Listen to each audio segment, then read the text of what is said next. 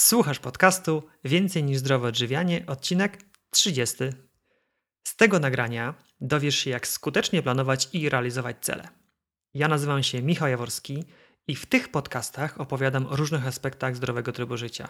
Jeżeli naprawdę zależy Ci na tym, czym karmisz swoje ciało i umysł, to te podcasty są właśnie dla Ciebie.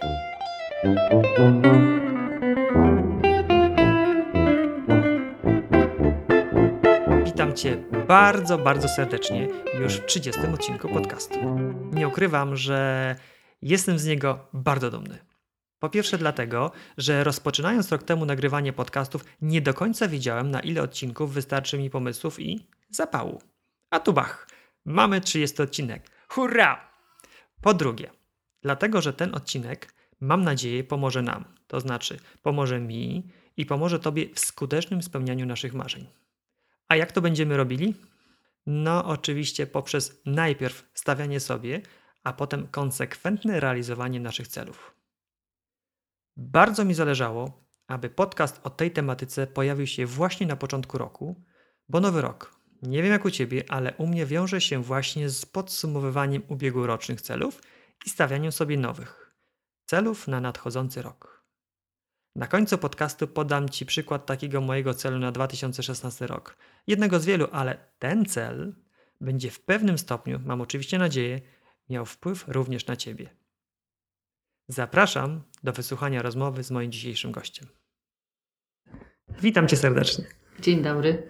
Przedstaw się proszę słuchaczom podcastu Więcej niż zdrowe odżywianie. Witam serdecznie, nazywam się Ewa Turek. Jestem coachem, mentorem, mówcą. Właściwie człowiekiem wielu dziedzin, ale są oczywiście takie obszary, które bardzo lubię. Jak na przykład od ponad 20 lat jestem konsultantem w branży doradztwa personalnego, partnerem w firmie Novelty Consulting, ale również członkiem organizacji Toastmasters, która uczy publicznego przemawiania i umiejętności liderskich, jak również trenerem, szkoleniowcem. Miałam okazję występować na różnych scenach, jak też przygotowywać mówców do tego, żeby sami dobrze się przygotowali. A prywatnie, no to się wiąże oczywiście też z pewnymi celami. Od ponad 15 lat w tej chwili jeżdżę też konno. W ciekawym stylu, bardzo mało rozpowszechnionym w Polsce, teraz coraz bardziej, styl western, który też e, ćwiczy w stawianiu celów i dążeniu do, do celu, bo z koniem, żywym zwierzęciem trudno się dogadać, tak jak my ludzie między sobą. I wymaga to postawienia celu i też szlifowania swoich własnych umiejętności i konia też. Dziękuję ślicznie za przedstawienie się. Ten odcinek podcastu będzie opublikowany zaraz na początku 2016 roku. Zaprosiłem Ciebie, Ewa, do tego podcastu, mając na uwadze to, że pomożesz mi i moim słuchaczom dobrze zdefiniować cele na najbliższy rok oraz dasz nam jakieś wskazówki, jak przejść od fazy planowania do fazy realizacji i nie poddać się, aby na koniec roku móc otworzyć szampana i świętować sukces. Tak, przełom roku to jest taki czas, gdzie rzeczywiście wielu ludzi no, robi podsumowania i robi też kolejne plany. To taki przełom w podliczaniu tego, co się udało albo co się nie udało, i znów z nadzieją, że ten nowy rok coś zmieni. Moja pierwsza refleksja jest taka, że ilu ludzi, tyle metod pewnie dochodzenia do poprawiania swojego życia, osiągania celów, czy prywatnych, czy zawodowych. I wierzę, że każdy może znaleźć dla siebie swoją własną metodę. Oczywiście są pewne zasady, które mogą pomóc. Zasady, które też nie zastąpią aktywności i działania danej osoby. Więc tak. to nie jest cudowna recepta. Tak, o tych zasadach za chwilę porozmawiamy. Natomiast na samym początku chciałbym Cię zapytać, może Ty mi wyjaśnić ten fenomen. Jak to się dzieje, że właśnie na początku roku budujemy te plany, z entuzjazmem do nich podchodzimy, jednak już po tygodniu, dwóch czy trzech, często ten entuzjazm opada. Mhm. I z tych naszych planów niestety czasem niewiele się dzieje. No tak, to już e, jest słynne takie powiedzenie, że miejsca, w których się ćwiczy sport, czyli wszelkie kluby sportowe, przeżywają boom na początku roku Tak. i są zapełnione przez pierwszy miesiąc czy drugi miesiąc. Ale jak pamiętam, po pół roku chyba tylko 8% osób w ogóle podejmuje dalej swoje działania i utrzymuje się w tej aktywności. To nie jest optymistyczne. Trudno powiedzieć, czy to jest dlatego, że osoby nie wiedzą, jak planować i właśnie rozplanować swój cel i ustawić swój cel, czy dlatego, że może cele były zbyt wygórowane. Bo tak jak rozmawialiśmy na początku, jest pewien szablon, który można zastosować i można go modyfikować w zależności od tego, gdzie w danej sytuacji osoba jest i, i rzeczywiście jak bardzo systematycznie, detalicznie chce podejść do tego. Ale na pewno trzeba do tego uruchomić zarówno mm, myślenie, ale też emocje, czyli to, co jest na poziomie serca. Bo samym myśleniem, mm, no to jest właśnie to na krótką metę. Czyli te dwa, trzy tygodnie, gdzie nasz umysł mówi tak, taka jest zasada, tak powinno się robić, no a później przychodzą dzień codzienny, wyzwania i albo się nie chce, albo się nie zarezerwowało czasu na te działania. No i zawsze jest łatwiej odłożyć to na bok niż e, utrzymać e, swoją aktywność. Dobrze, to może zagłębmy się w taki przykładowy szablon. Jak w takim razie uruchomić umysł i serce, jak to ładnie powiedziałaś, Hmm. aby zdefiniować te cele tak, żeby zmaksymalizować szanse ich realizacji? Sukces to jest, y, to jest coś, co się osiąga konkretnym następstwem działań. A do działania potrzebna jest zarówno motywacja, jak i determinacja. I myśląc o słowie, o tym pierwszym słowie, czyli motywacja, które pochodzi z łacińskiego słowa motus, czyli ruch, i movare, czyli poruszać się. To oznacza, że do motywacji potrzebna jest aktywność, pęd, siła i pewne działanie, po prostu. Natomiast determinacja to jest coś, co wprowadza ten ruch e, w działanie. Mam pytanie, czy zdarzyło Ci się w swoich czasach edukacji, albo teraz, kiedy Twoje dzieci chodzą do szkoły, aby był taki przedmiot nauka stawiania celów? Nie, Albo chociaż Jak realizować cele? bardzo, bardzo żałuję, ale takiego przedmiotu, nie dalej jak dwa dni temu byłem na wywiadówce u syna i takiego przedmiotu niestety na liście z ocenami nie widziałem. No właśnie, niestety uczą nas matematyki i języka polskiego, oczywiście, co jest bardzo potrzebne. Natomiast to stawianie celów, realizacja i w ogóle dążenie do, do czegoś, co poprawi nasze życie, właściwie każdego dotyczy, a nie uczą nas tego w szkole, a jest pewien sposób, metoda, metodologia, bo można, ja mam takie dziewięć kroków, dziewięć etapów, które mi pomagają planować moje własne cele, ale zastrzegam, że każdy może to modyfikować, pozostawiając jakby ten główny e, trzon, bo pierwszy cel to jest w ogóle wiedzieć, em, o co mi chodzi, czyli czego chcę. Na tyle konkretnie, żeby to nie było wirtualne, w zasadzie chcę być szczęśliwa. Bo Mhm. za tym idzie pytanie, co to znaczy. Czy szczęśliwa to znaczy sama, z kimś, czy e, w miejscu pracy, czy w domu.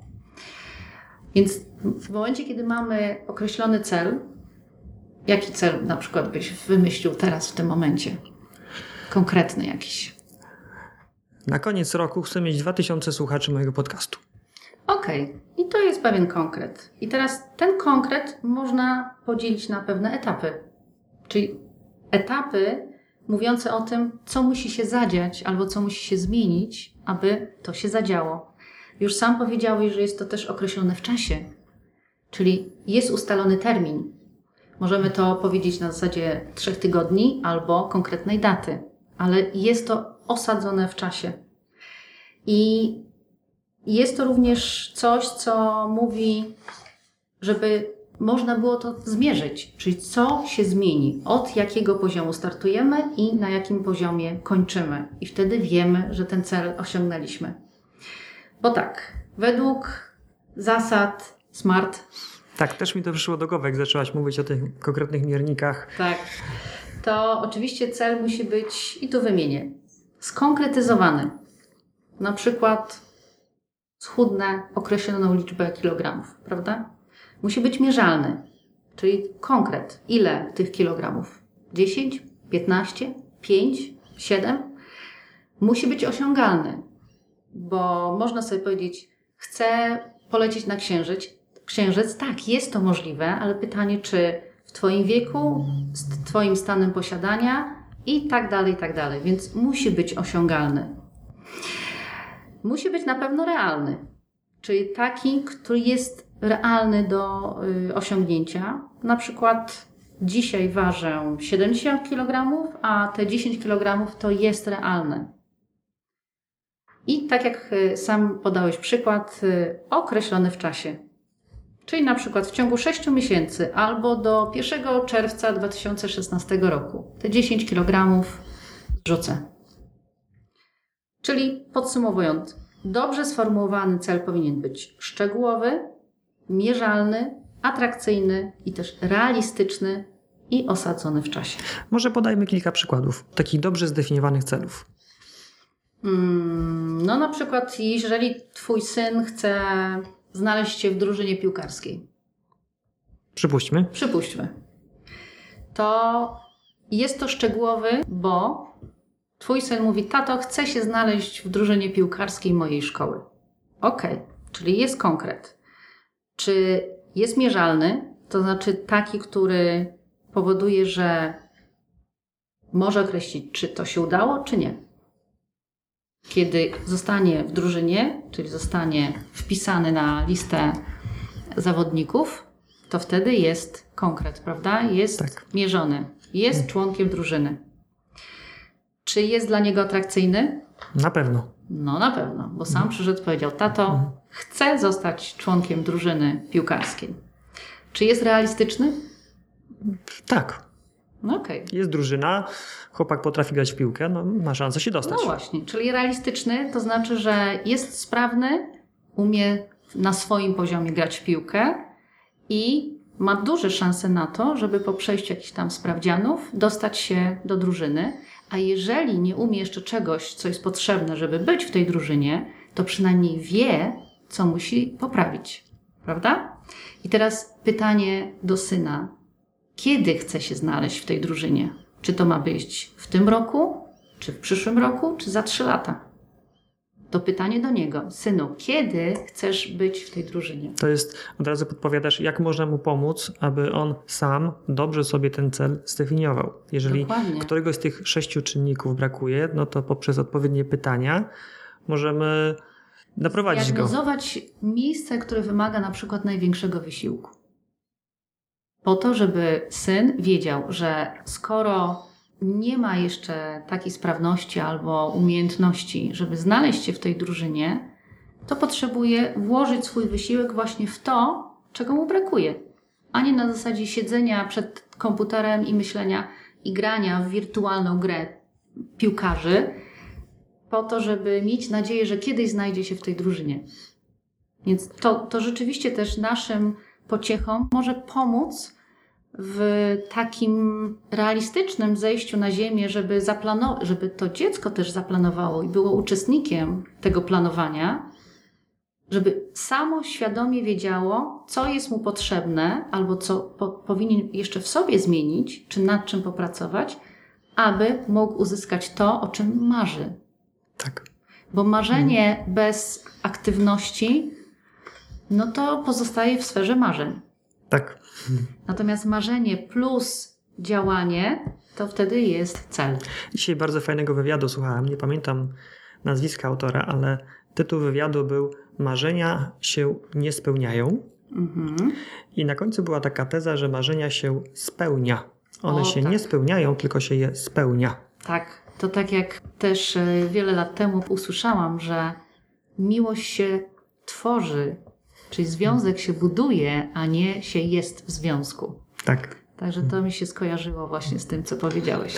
Dobrze, czyli daliśmy przykład celu dla dziecka. To może być taki cel, że tato do końca tego roku chcę się znaleźć na liście zawodników mojej drużyny piłkarskiej w szkole. Mhm. Tak, ale żeby też cel miał też swoją moc, to warto też z dzieckiem, czy też każdy ze sobą, przejść przez takie etapy, które po prostu pomogą, żeby ten cel był statystycznie bardziej realny i miał swoją moc, niż pozostał tylko w głowie i w marzeniach. Na jakim etapie powinniśmy to zrobić? Przed planowaniem celów, czy jak już mamy je zaplanowane i przystępujemy do realizacji? Myślę, że pierwszy etap to jest właśnie zbudowanie tego celu według tej metody SMART, żeby on był mm, szczegółowy, mierzalny, atrakcyjny, realistyczny i terminowy. Czyli te dwa przykłady, które podaliśmy. Pierwszy Tak. to było, że w określonym czasie chcę schudnąć ileś tam kilogramów, a Mhm. drugi, że w określonym czasie chcę się dostać na listę zawodników w mojej drużynie piłkarskiej. Tak Czyli jest. mamy jakąś tam grupę celów zdefiniowanych. I teraz przechodzimy do tej aktywności, która jest potrzebna, aby to, co jest wirtualne, stało się realne. I tu chcę podpowiedzieć pewne mm, etapy, które po prostu pomogą. Tak jak mówię, każdy człowiek sam zdecyduje, z czego skorzysta i na co położy nacisk, ale są to na pewno rzeczy, które w zdecydowany sposób mogą pomóc. Czyli tak moim językiem to jest przejście od tej fazy marzeń do spełniania tych marzeń. Tak. I pierwsze, co bym wskazała, to jest podzielić się tym celem, tym planem z kimś. Czyli wyciągnąć to na powierzchnię, w realny świat. Można to powiedzieć publicznie. Publicznie to może być rodzic, publicznie to może być partner, publicznie to może być grono przyjaciół, ale publicznie to może być również, co niektórzy robią, wrzucenie na portal społecznościowy po to, żeby cały świat się dowiedział, że podjąłem takie wyzwanie. No właśnie, a po co się to robi? To jest tak zwane publiczne zobowiązanie. Co nam to daje? To daje to, że ponieważ powiedziałem to oficjalnie, to tak jak król ogłaszał swój dekret. Skoro powiedział to oficjalnie, publicznie, to znaczy, że to jest, ma swoją moc. I tutaj pewna y, sugestia, aby to publiczne ogłaszanie e, najchętniej powiedzieć przyjaciołom bądź bliskim osobom, jeżeli jest to trudny cel. Bo wtedy mamy sprzymierzeńców. Powiedzenie tego publicznie, jak wiemy, może rodzić też e, wrogie reakcje. I teraz pytanie, czy osoba jest na to gotowa.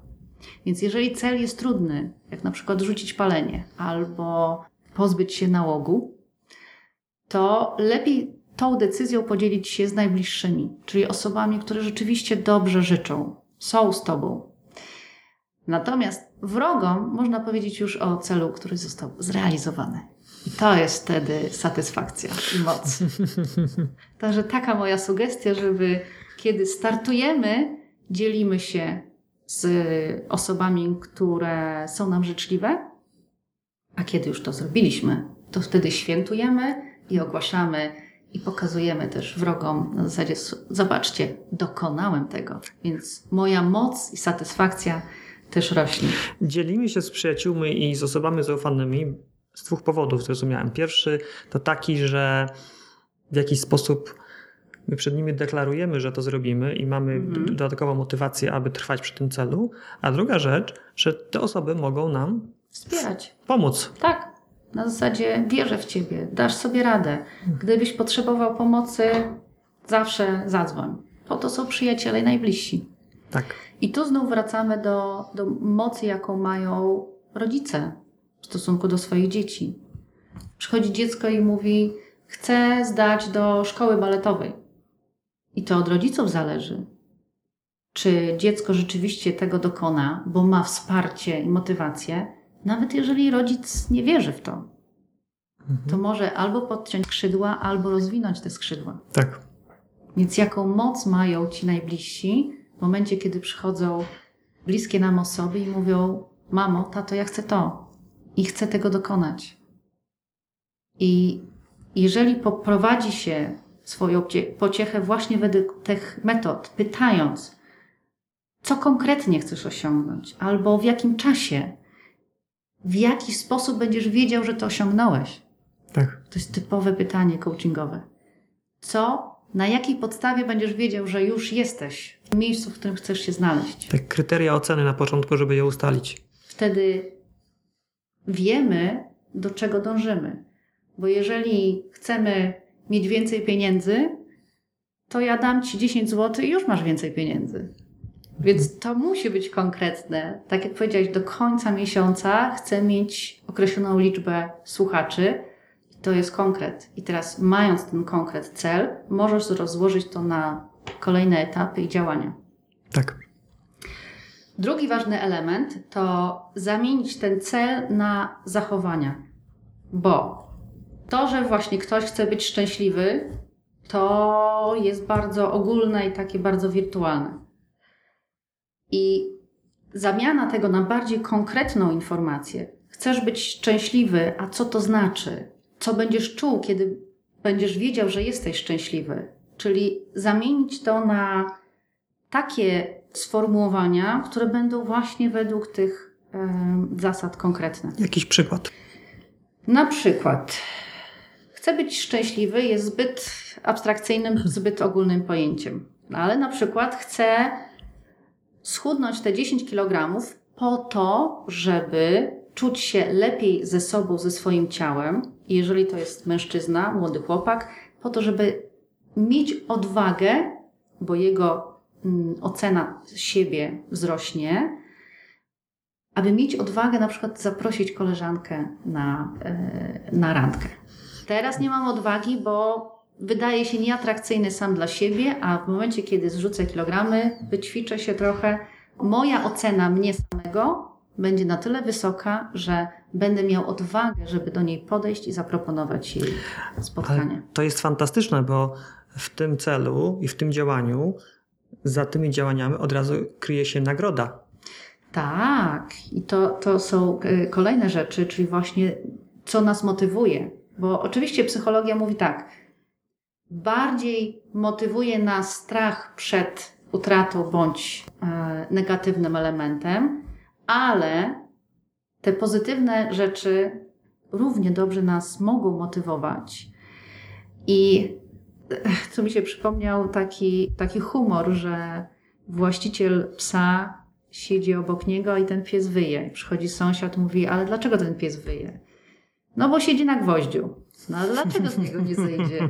Widocznie nie boli go tak bardzo, żeby chciał zejść. Więc to jest na tej zasadzie, że ruszamy do przodu albo coś zmieniamy wtedy, kiedy rzeczywiście nas coś bardzo boli i gniecie. I to częściej wtedy jest tym elementem, który powoduje, że strach często też powoduje, że zaczynamy coś zmieniać. Ale jeżeli do tego dołożymy coś, co jest pozytywną emocją, na zasadzie schudnę właśnie te 10 kg i zamieniając ten cel na zachowania, to jest będę unikał sklepiku szkolnego, w którym są na przykład drożdżówki, albo będę co rano szykował sobie zestaw śniadaniowy, obiadowy, który wezmę do, do biura. E, zamienię cukier na ksylitol i to będzie mój kolejny e, element zmiany. Po to, żeby na przykład w nowym sezonie wystartować e, w zawodach pływackich i zdobyć jakieś tam miejsce, które pozwoli mi zaistnieć, nie wiem, w moim środowisku. Naprawdę, ile ludzi, tylu, tylu, tyle będzie decyzji i tyle będzie motywacji. Ale chodzi o to, żeby ten cel był też połączony z pozytywną emocją, bo możemy zmienić swoje nawyki, bo się czegoś boimy. Komornika, który może nam za chwilę zapukać do drzwi, ale jeżeli poprawię swoją sytuację finansową, to wtedy będę miał większy spokój i będę odważniej rozglądać się po swoim środowisku i na przykład podejmę wyzwania nowe w miejscu pracy. Tak. I teraz kolejne pytanie: co ci to da? Czyli co ci to da, że osiągniesz ten cel? I tu właśnie to, o czym już mówiliśmy, że będę bardziej czuć się atrakcyjnie, czyli moja ocena mnie wzrośnie, czyli a, wartość siebie, i to pozwoli mi po, podnieść głowę do góry, spojrzeć na świat bardziej świadomie i na przykład wejść w działania, których dotychczas nie miałam odwagi. Znalazłam też taką informację, że 14% osób odważnych, zdecydowanych, które wierzą w siebie, zarabia więcej o 14% niż ci, którzy robią to samo, ale nie wierzą w siebie. Więc to, to jest zadziwiające, że tak naprawdę dwie osoby pracujące i robiące to samo, jedna z nich idzie odważnie i bierze szanse, które się pojawiają, a druga robi to samo i nie zauważa tych szans. Swego czasu przeczytałam e, taką książkę Kod Szczęścia, w której cała książka tak, traktuje właściwie o tym i udowadnia, że szczęście można świadomie budować. I był tam taki eksperyment, że naukowiec poprosił osoby do współpracy, które uważały się za pechowców i szczęściarzy. I wybrano jedną dwójkę po jednej osobie z danej grupy i stworzono te same warunki, czyli wejście do restauracji. Przy wejściu do tej restauracji położono banknot, który był widoczny, ale nie tak na pierwszy rzut oka. I te osoby miały tylko wejść do tej restauracji i usiąść przy stoliku. I ten, który czuł się optymistą, od razu zobaczył ten banknot, wziął, huknął, mówi: O, mam szczęście, i wszedł do środka, a pesymista w ogóle tego nie zauważył. Wszedł i usiadł. Więc to, jak się też czujemy, powoduje, jak postrzegamy świat. Tak. Dobrze. Wróćmy do naszego. Idąc naszych, dalej, tak, tak. Zatrzymaliśmy się na pytaniu, co ci to da. Mhm.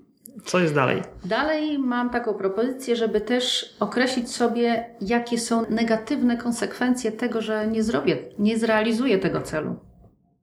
Bo tak jak rozmawialiśmy, ten strach jest silniejszy niż nagroda. Bardzo często. Tak.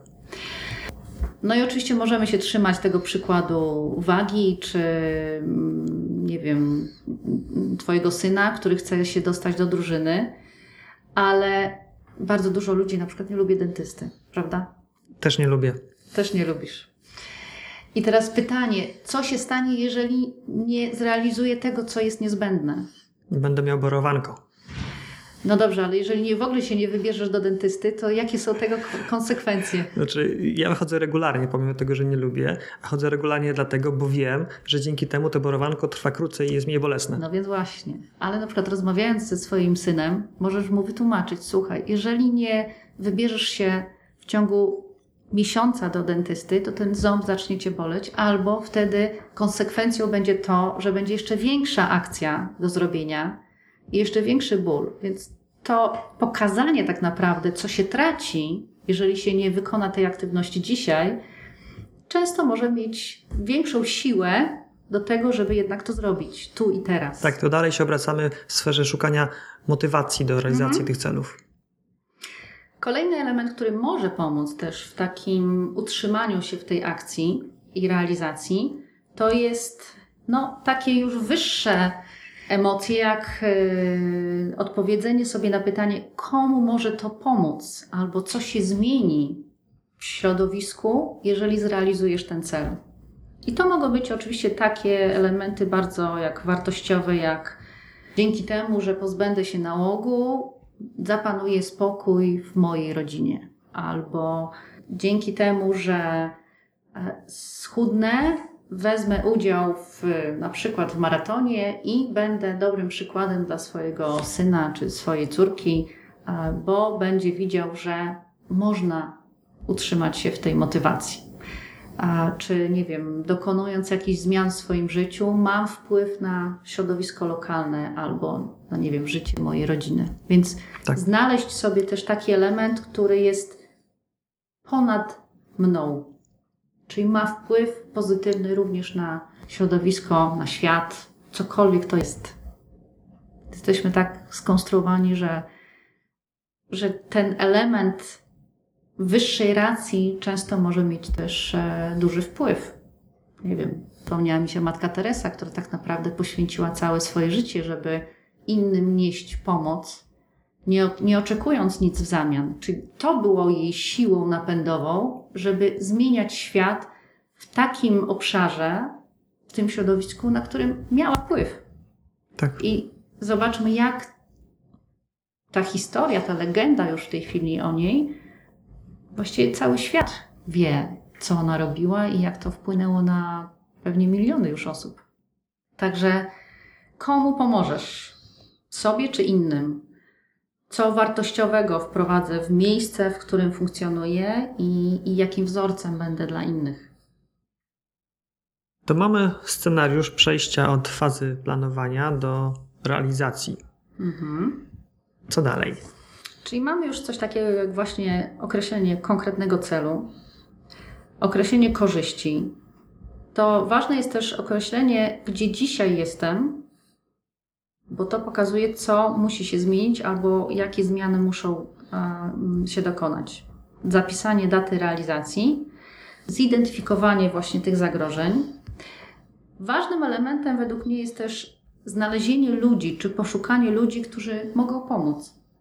Bo tak jak rozmawialiśmy, ci przyjaciele oczywiście pomagają i poklepią po ramieniu na zasadzie tak stary, dasz radę. To również znalezienie osób, które mogą pomóc w tej realizacji, jak nie wiem, mentorzy, którzy po prostu są specjalistami, ekspertami w tym. Jak ktoś pierwszy raz wpadł na pomysł, że e, zacznie biegać, no to pytanie, gdzie może znaleźć informacje, które pomogą mu, żeby wejść bezpiecznie w ten proces biegania.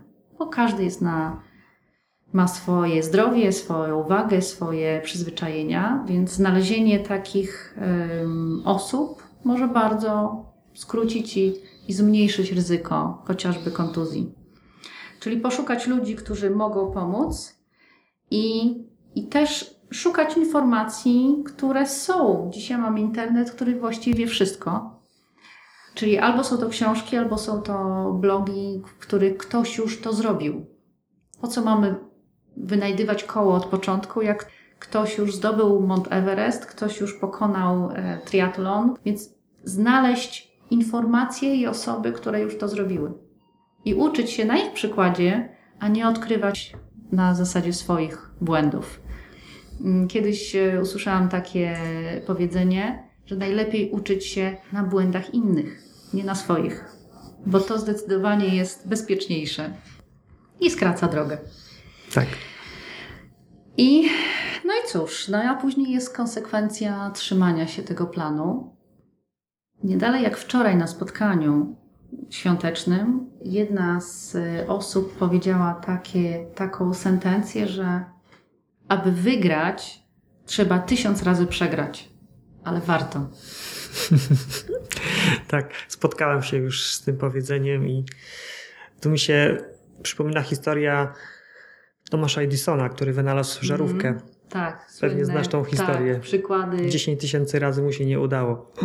A on mówi 10 razy, 10 tysięcy razy przybliżało mnie to do celu, do efektu, czyli wynalezienia. Tak. E, była też dziewczyna, która zajmuje się, mm, jest psychologiem sportu i powiedziała tak, że myślenie o medalu nie przybliża cię do jego zdobycia. Myślenie o tym, jak go zdobyć i jakie działania są potrzebne, to cię przybliża do celu. Tak, żeby nie myśleć tylko o celu, tylko o tym, co należy wykonać mhm.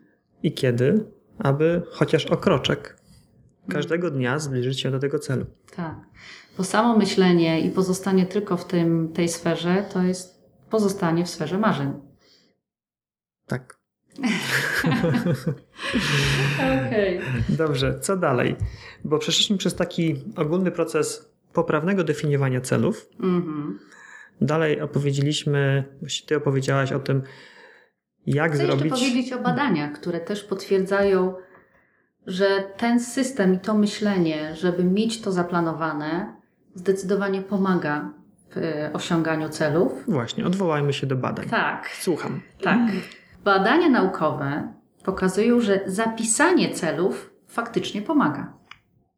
Już wiele lat temu słyszałam, że zapisz swoje cele i każdy to powtarza. Zapisuj swoje cele. A naprawdę niewielki procent ludzi to robi. Zapisujesz? Zapisuję. Od jak dawna? Od kilku lat.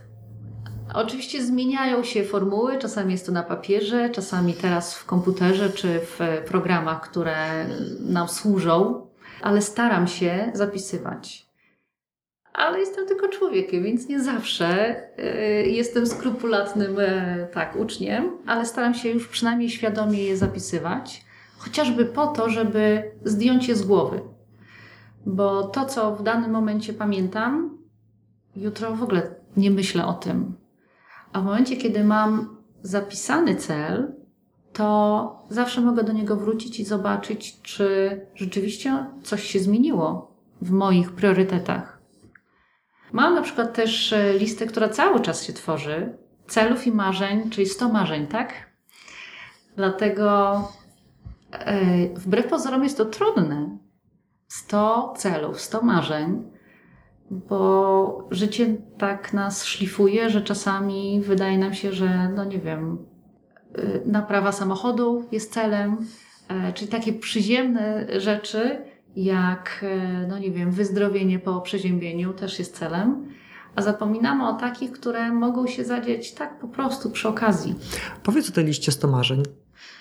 Co to jest? To jest taka lista, w której się zapisuje, no właśnie, marzenia i te bardzo proste, i te przyziemne, ale też i takie, które czasami boimy się nawet marzyć jak na przykład podróż dookoła świata, albo odwiedzenie stu krajów, albo ponowne mm, przejechanie się na skuterze wodnym. E, dla kogoś będzie to skok ze spadochronu, a dla kogoś innego będzie to, nie wiem, wyprawa mm, w jakieś tam góry. Chodzi o to, że w momencie, kiedy pozostawiamy to tylko w głowie, to one właściwie są w takiej nicości jakby były, ale nie mają tej swojej mocy. Ja taką książkę 100 marzeń kilka lat temu zaczęłam realizować, znaczy prowadzić. I jest to 100 kartek. Na każdej kartce mam określone hasło, czyli cel, z datą ważności, czyli realizacji. E, jest tam też miejsce na to, żeby ewentualnie wkleić zdjęcie czy jakiś symbol. Bardzo ciekawe jest to, że mm, tą książkę mam tak od kilku lat i ja nie zaglądam tam często, ale powiedzmy kilka razy w roku przeglądam i okazuje się, że tak sukcesywnie niektóre cele już mogę odhaczyć. Na zasadzie, o, to już się zadziało. No, to już mogę wykreślić jako zrobione. I to jest niesamowite, że czasami w ogóle nie pamiętam o tym celu, który tam został zapisany rok temu, czy półtora roku temu, czy wcześniej, ale okazuje się, że jakoś tak to się dzieje, że wcześniej czy później te cele się realizują. To mi przypomina o, o tej sile naszej podświadomości, że w momencie, kiedy zapisane jest to na poziomie podświadomości, ten cel, to tak jak z GPS-em, który ma ustawiony cel, jeżeli zbacza się z drogi i wydaje nam się, że jedziemy w niewłaściwą stronę, to on automatycznie ustawia ten azymut na ten cel. I, I ja wierzę, że podobnie jest też z siłą naszej podświadomości, która jest o wiele większa niż to, co mamy na poziomie świadomym. I jak z tym celem ustawionym, nasza podświadomość w taki czy inny sposób wciąż nakierowuje nas na ten cel, który ma zapisany. Dokładnie się z Tobą zgadzam. Właśnie tak jak powiedziałaś, gdy zapiszemy sobie ten cel na kartce, to po pierwsze zdejmujemy go z głowy i nie musimy sobie ciągle o nim przypominać, a po drugie, tak jakbyśmy przekazywali realizację, odpowiedzialność za realizację, za ten cel naszej mm -hmm. podświadomości. I realizując codzienne jakieś czynności, podświadomie zaczynamy zauważać pewne szanse. Tak, pewne dokładnie. sytuacje, które, których wcześniej byśmy nie widzieli. A teraz je widzimy dlatego, bo mamy to w podświadomości. Ja podam Ci przykład mhm. taki bardzo męski. Mhm. Kupno samochodu. No. Jeżeli chcesz kupić jakiś samochód, no to się rozglądasz, które są fajne, a które nie. I przypuśćmy, decydujesz się na jakiś model. Mhm. Niech to będzie model X. Mhm. I od dnia następnego codziennie widzisz tych modeli X, tych samochodów X kilka na jezdni. To jest siła skupienia. Dobrze. Mhm. Wcześniej ich nie widziałem, tak. teraz je widzę, ponieważ w mojej podświadomości zapisałem sobie, że ten samochód mnie interesuje. Zaczynam go dostrzegać. Tak, zauważasz go. Mhm. I tak samo wierzę, że dzieje się... kobiety, które zaszły w ciążę, nagle widzą wokół siebie kobiety w ciąży. I dużo wózków. Tak jest. I poprzez to, że zapiszemy ten cel na kartce, nasza podświadomość zaczyna pracować, mhm. zaczyna szukać okazji. aby chociaż o kroczek zbliżyć nas do realizacji tego celu. To może być tak nieuświadomione, jak na przykład zboczenie z drogi i pójście do pracy inną drogą i się nagle okaże, że na witrynie sklepowej zobaczysz coś, co ci pomoże w realizacji tego celu. To są tak czasami zadziwiające sytuacje, zbiegi okoliczności, ale ten GPS działa. I teraz wracając do badań, mam taki przykład, jak naukowcy, psycholog wziął grupę prawie 300 uczestników i podzielił na pięć takich grup mniejszych. I każdą z tych grup poproszono, aby każda z tych osób pomyślała, znalazła jakiś cel na najbliższe 4 tygodnie. I teraz tak. Pierwsza grupa miała tylko pomyśleć o celach bez zapisywania. Pozostałe grupy miały zapisać ten cel, ale druga grupa zapisała, natomiast trzecia grupa, oprócz tego, że zapisała, to również wypisała konkretne czynności, które są potrzebne do realizacji. Kolejna grupa, czyli czwarta, oprócz tego, że zapisała i zapisała również konkretne czynności, to również podzieliła się tą informacją z przyjaciółmi. Czyli właśnie co będzie realizować i co, jaki jest jej cel. A piąta grupa, oprócz tego, co robiły od drugiej do, do czwartej, to również dodatkowo wysyłała raport z realizacji co tydzień. No i jak myślisz, która grupa najbardziej efektywnie zrealizowała swoje cele? To łatwe, piąta grupa. tak jest. Także im więcej mamy konkretów i też aktywności włożonych w to i zaangażowanie też e, osób wokół siebie, tym statystycznie mamy większe szanse na to, żeby ten cel z marzenia zszedł do poziomu realizacji. Aby spełnić to marzenie. Tak, tak, dokładnie. No dobrze, czyli jaki wniosek z tego dla nas płynie? Dla nas, którzy sobie zdefiniowaliśmy cele i jesteśmy w połowie drogi do ich realizacji. Nie jest sztuką postawić sobie cel, sztuką jest realizować ten cel. Czyli ta siła i determinacja jest o wiele ważniejsza niż wiedza, umiejętności, e, środowisko. Bo jak zapytamy każdą osobę, która, którą my określamy człowiekiem sukcesu, to on zawsze wspomni, czy też podkreśli, że ileś razy musiał ponieść porażkę, żeby osiągnąć cel. Ale było warto. Ale było warto. Chodzi o to, żeby za każdym razem podnosić się i iść dalej, niż rezygnować. W kolejnej książce, którą też bardzo polecam, jak nawyk samodyscypliny, Neil Foyle, on tam podpowiada taką metodę, aby nie zastanawiać się nad tym, ile razy poniosłem porażkę, albo jak bardzo się boję, tylko za, żeby zaplanować mniejsze odcinki e, realizacji i zastanowić się nad tym, ok, co dzisiaj mogę zrobić, żeby przybliżyć mnie do określonego celu. Bo też y, przypomniał mi się taki przykład rozmowy, wywiadu z y, autorem no, kilkudziesięciu chyba już y, książek, jak John Maxwell, kiedy dziennikarz go zapytał, jak panu się udało tyle książek napisać? A on mówi, siadam codziennie i piszę. I to jest, to jest jego recepta na sukces. Więc, żeby zrzucić te 10 kilogramów, to należy rozpisać je na te 6 miesięcy, rozpisać na codzienne nawyki żywieniowe i mm, aktywności sportowej i to się zadzieje. Naszym zadaniem jest, mając już sprecyzowany cel, utrzymać tą codzienną aktywność i nastawienie na to, że dzisiaj mam tyle do zrobienia, to jest moim zadaniem i, i, i tego się trzymam. Nawet jeżeli zdarzają nam się wpadki, nie wiem, potknięcia czy rezygnacje, to zawsze możemy wrócić. To jest siła utrzymania się w realizacji tego celu. Może nam się zdarzyć, że no dobrze, sięgniemy po to ciastko, ale to nie zmienia faktu, że musimy zarzucić cały cel. Możemy zacząć od tego, no dobrze, zjadłem ciastko, no miałem chwilę słabości, no dobrze.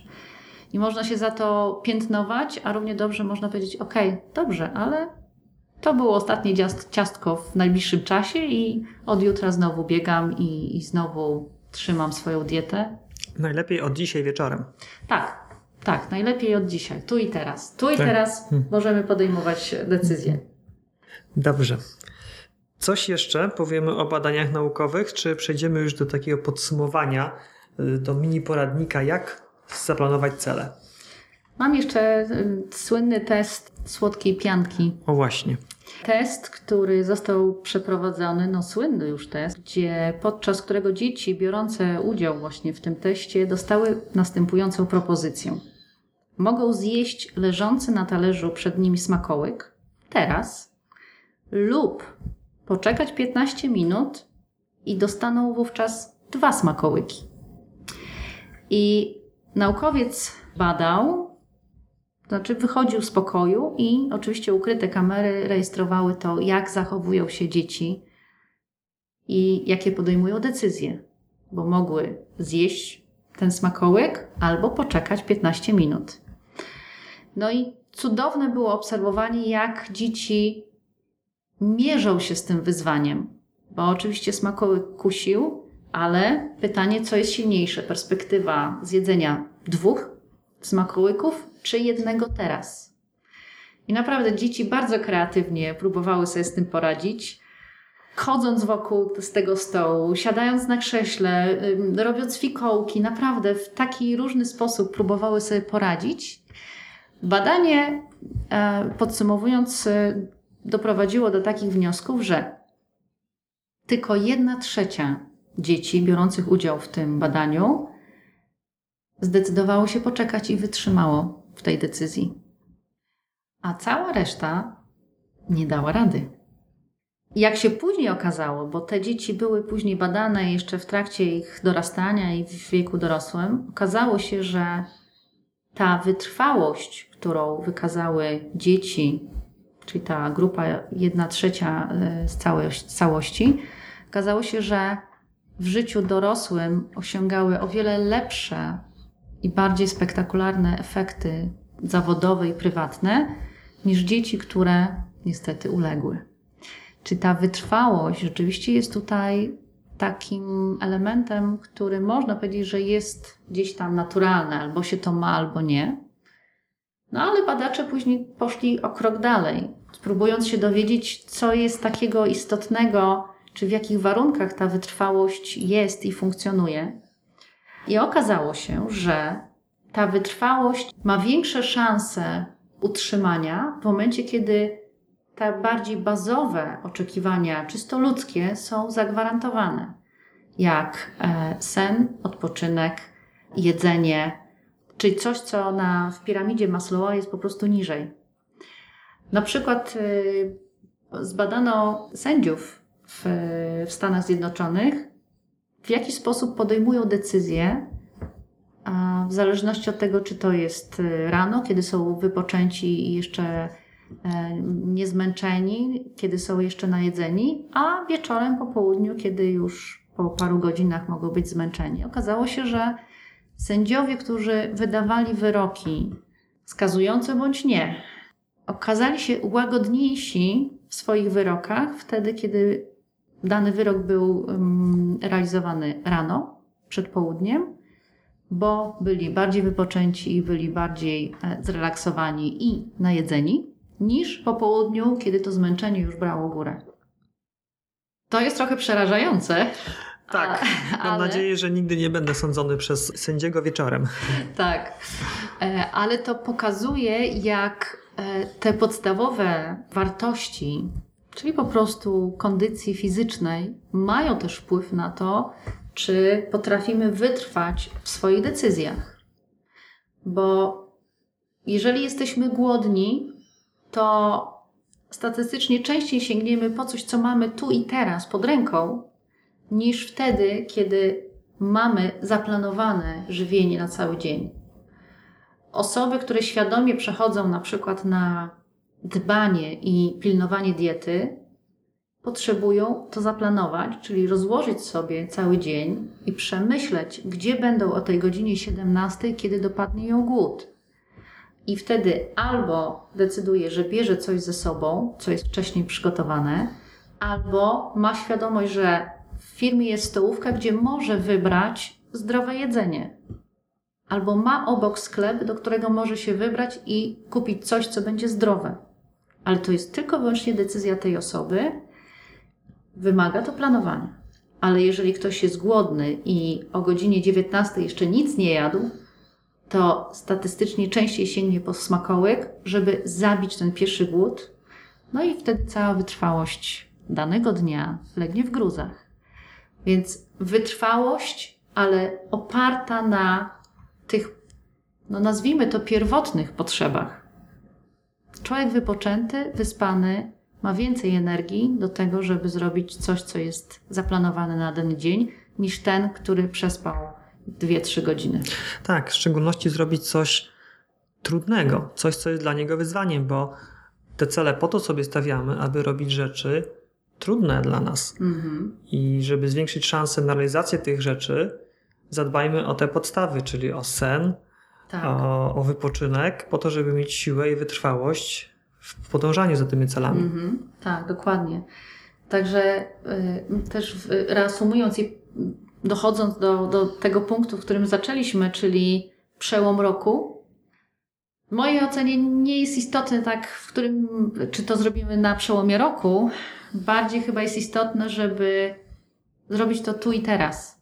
Czyli podejmować decyzje tu i teraz, a nie, że zacznę dietę od poniedziałku. Tu i teraz, dzisiaj to planuję i dzisiaj zaczynam. Bo jest to możliwe. Tak jak rzucenie palenia jest możliwe z dnia na dzień, a cała grupa ludzi mówi, dobrze, od poniedziałku. I ten poniedziałek ciągle się przesuwa. Mam doskonały przykład, podzielę się nim. Rok temu wracamy z Wigilii i żona mówi: Mam w końcu postanowienie nowo- noworoczne. Przypominam, że to jest Wigilia, czyli do nowego roku jeszcze jest tydzień. Od nowego roku przestanę jeść cukier biały. Mm. Ale po chwili refleksji tak sobie myśli: Zaraz, po co mam czekać cały tydzień? Od dzisiaj już nie będę jadła cukru. Mhm. I tak Super. zrobiła. Super. No i to jest właśnie siła decyzji podejmowanych tu i teraz. Nie odkładajmy. Nie odkładajmy. Dobrze. Dużo mówimy, powiedzieliśmy o tym, jak definiować cele, gdzie szukać motywacji, jak zwiększać nasze szanse. Teraz, tak już w podsumowaniu, chciałbym, żebyśmy przygotowali taki mini poradnik dla Mhm. słuchacza, słuchaczki, w kilku krokach, od czego zacząć i jakie kolejne etapy przejść, aby poprawnie zdefiniować cele i przejść od fazy planowania do realizacji. Okej, to w takim razie pierwszy punkt to jest napisz dokładnie, czego chcesz. Na przykład schudnąć 10 kg. Z naciskiem na słowo napisz. Napisz, tak. Dlatego podkreślamy, napisz. Drugi element to jest określ korzyści, czyli co zyskasz dzięki temu.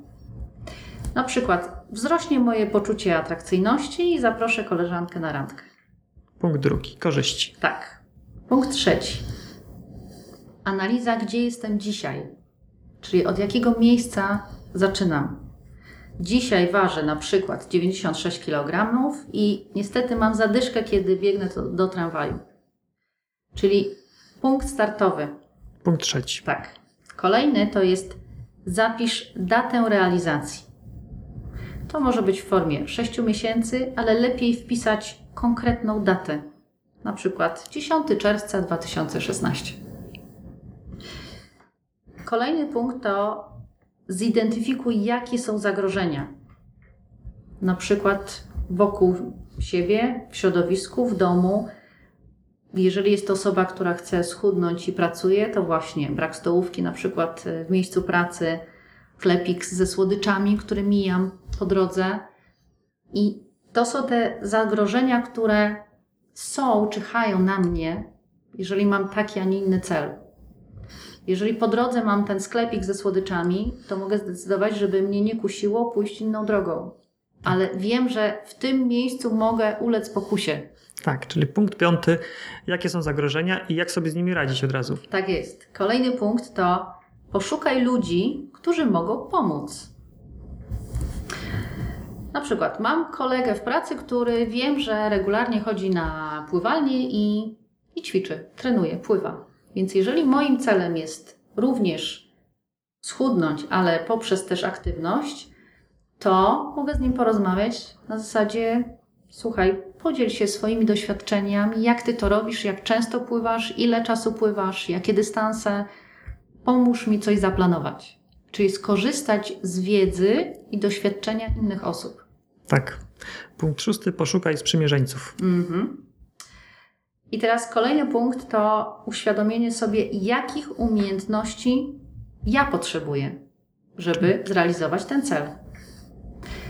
Na przykład nie umiem jeździć na rolkach, a moim celem jest wystartować w zawodach, nie wiem, wziąć udział w paradzie rolkarzy, cokolwiek, czy w triatlonie, to w tym momencie uświadamiam sobie, że potrzebuję się tego nauczyć. Jeżeli nie umiem pływać, to potrzebuję się nauczyć pływać.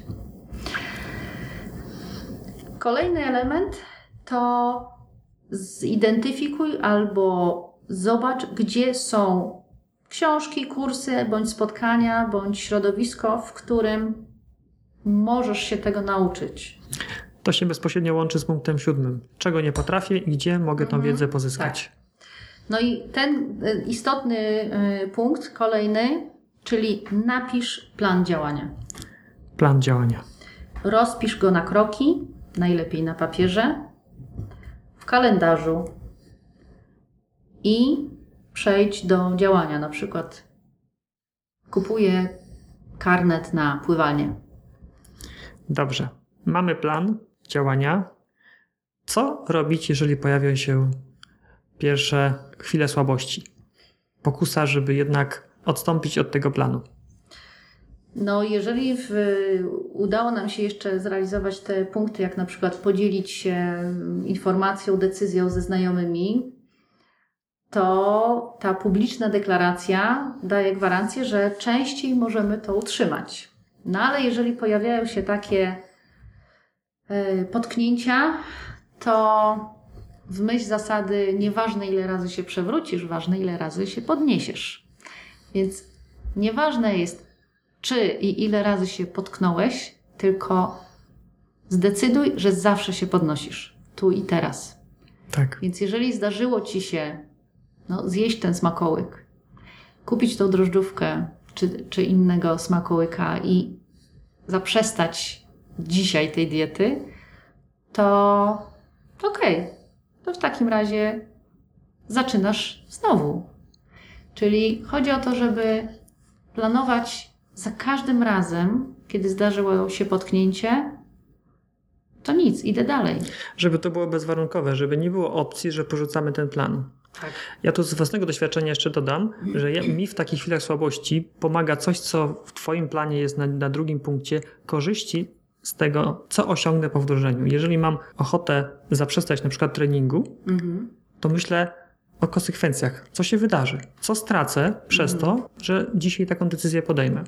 I w większości przypadków te potencjalne korzyści, ta nagroda, która jest na końcu tej mojej ścieżki, powoduje, że jednak przełamuję się i dalej sukcesywnie realizuję ten cel. Jak e, mówił e, swego czasu Winston Churchill, nigdy, nigdy, nigdy, nigdy się nie poddawaj. Tak, to chyba najsłynniejsze przemówienie. Tak. Zresztą to było bardzo ciekawe, bo jak czytałam, odbyło się to na jakiejś uczelni, gdzie tłumy przyszły, tłumy studentów i, i ludzi, a wtedy Churchill już w słusznym wieku wstał, wyszedł na mównicę, powiedział te kilka słów i zszedł. I to było całe jego wystąpienie, ale najważniejsze słowa powiedział. Tak. A to jest, myślę, dobra konkluzja całego naszego dzisiejszego wywiadu. Nigdy, nigdy, nigdy się nie poddawaj. Nigdy. Tak, nieważne, że tysiąc razy się przewrócimy, Tak. ważne, że się podniesiemy i na pewno będzie warto. I tak jak w sporcie, no, wygrywa, jeden wygrywa medal, ale iluś po drodze cały czas próbuje i, i ćwiczy i um, ma swój własny cel. Dlatego od samego myślenia nie zdobywa się medali, nie zdobywa się swojego celu. Potrzebna jest myśl, decyzja i działanie. Wtedy jest cel zrealizowany. Fantastycznie. Mhm. Dziękuję za Ewa, Dziękuję Ci bardzo. No cześć. No i mamy. Przepis na skuteczne spełnianie marzeń. W dużym skrócie, wystarczy każde takie marzenie zapisać na kartce i każdego dnia szukać okazji, aby choć odrobinę zbliżyć się do jego realizacji. Na początku obiecałem, że podzielę się z Tobą jednym z moich celów na najbliższy rok. Celem, który być może będzie miał wpływ również na Ciebie. Otóż napisałem sobie: W 2016 roku będę regularnie, co dwa tygodnie, publikował nowe podcasty. Koniec celu. W myśl zasady, o której mówiła Ewa, celowo go upubliczniam, aby mieć jeszcze większą motywację do jego zrealizowania. No wiesz, ja też jestem człowiekiem, tak jak ty, i naprawdę, naprawdę nie zawsze mi się chce. Oczywiście, jak już je nagrywam, to mam z tego dużo frajdy, ale czasem zabranie się do zbierania materiału do kolejnego odcinka odwlekam z dnia na dzień. Każdy z nas tak ma, ale najważniejsze jest, aby się nie poddawać i konsekwentnie zmierzać w obranym sobie wcześniej kierunku. Powiem Ci, co mi pomaga w takich trudnych sytuacjach, tych podcastowych. Komentarze i maile od moich słuchaczy. Naprawdę, jeden mail może zdziałać cuda. Więc jeżeli słuchasz moich podcastów, jeżeli w jakiś sposób pozytywnie wpłynęły na Twoje życie, to napisz mi o tym, proszę. To nie musi być wypracowanie. Wystarczy kilka zdań, które popłyną prosto z Twojego serca. To dla mnie dużo znaczy, naprawdę. Dzisiaj mam jedno ogłoszenie. W 28 odcinku podcastu ogłaszałem konkurs na najciekawszy komentarz dotyczący medytacji. Można było wygrać jedną z trzech książek. Dzisiaj konkurs jest już zakończony, a zwycięzcy zostali ogłoszeni w komentarzu do podcastu dostępnego pod bezpośrednim linkiem www.więcejniżzdrowoodżywianie.pl ukośnik 028. Z ogromną przyjemnością powiedziałbym teraz, kto wygrał, ale po prostu jeszcze tego nie wiem. W czasie, gdy nagrywam ten odcinek, konkurs jeszcze ciągle trwa, więc po wyniki zapraszam do wpisu z podcastem o medytacji. Przypominam, odcinek 28. Mam jeszcze do Ciebie jedną ogromną prośbę. Wpisuje się ona trochę w tematykę dzisiejszego nagrania stawianie i, i realizowanie celów. Bardzo nam zależy, nam, mam na myśli mnie i moją żonę Tatianę, z którą wspólnie prowadzimy bloga, na tym, aby publikowane na nim treści były dla Ciebie przydatne, aby pozytywnie wpływały na Twoje życie. Możesz nam w tym pomóc. Pomóc wypełniając krótką 9 pytań anonimową, bez adresów e-mail, ankietę.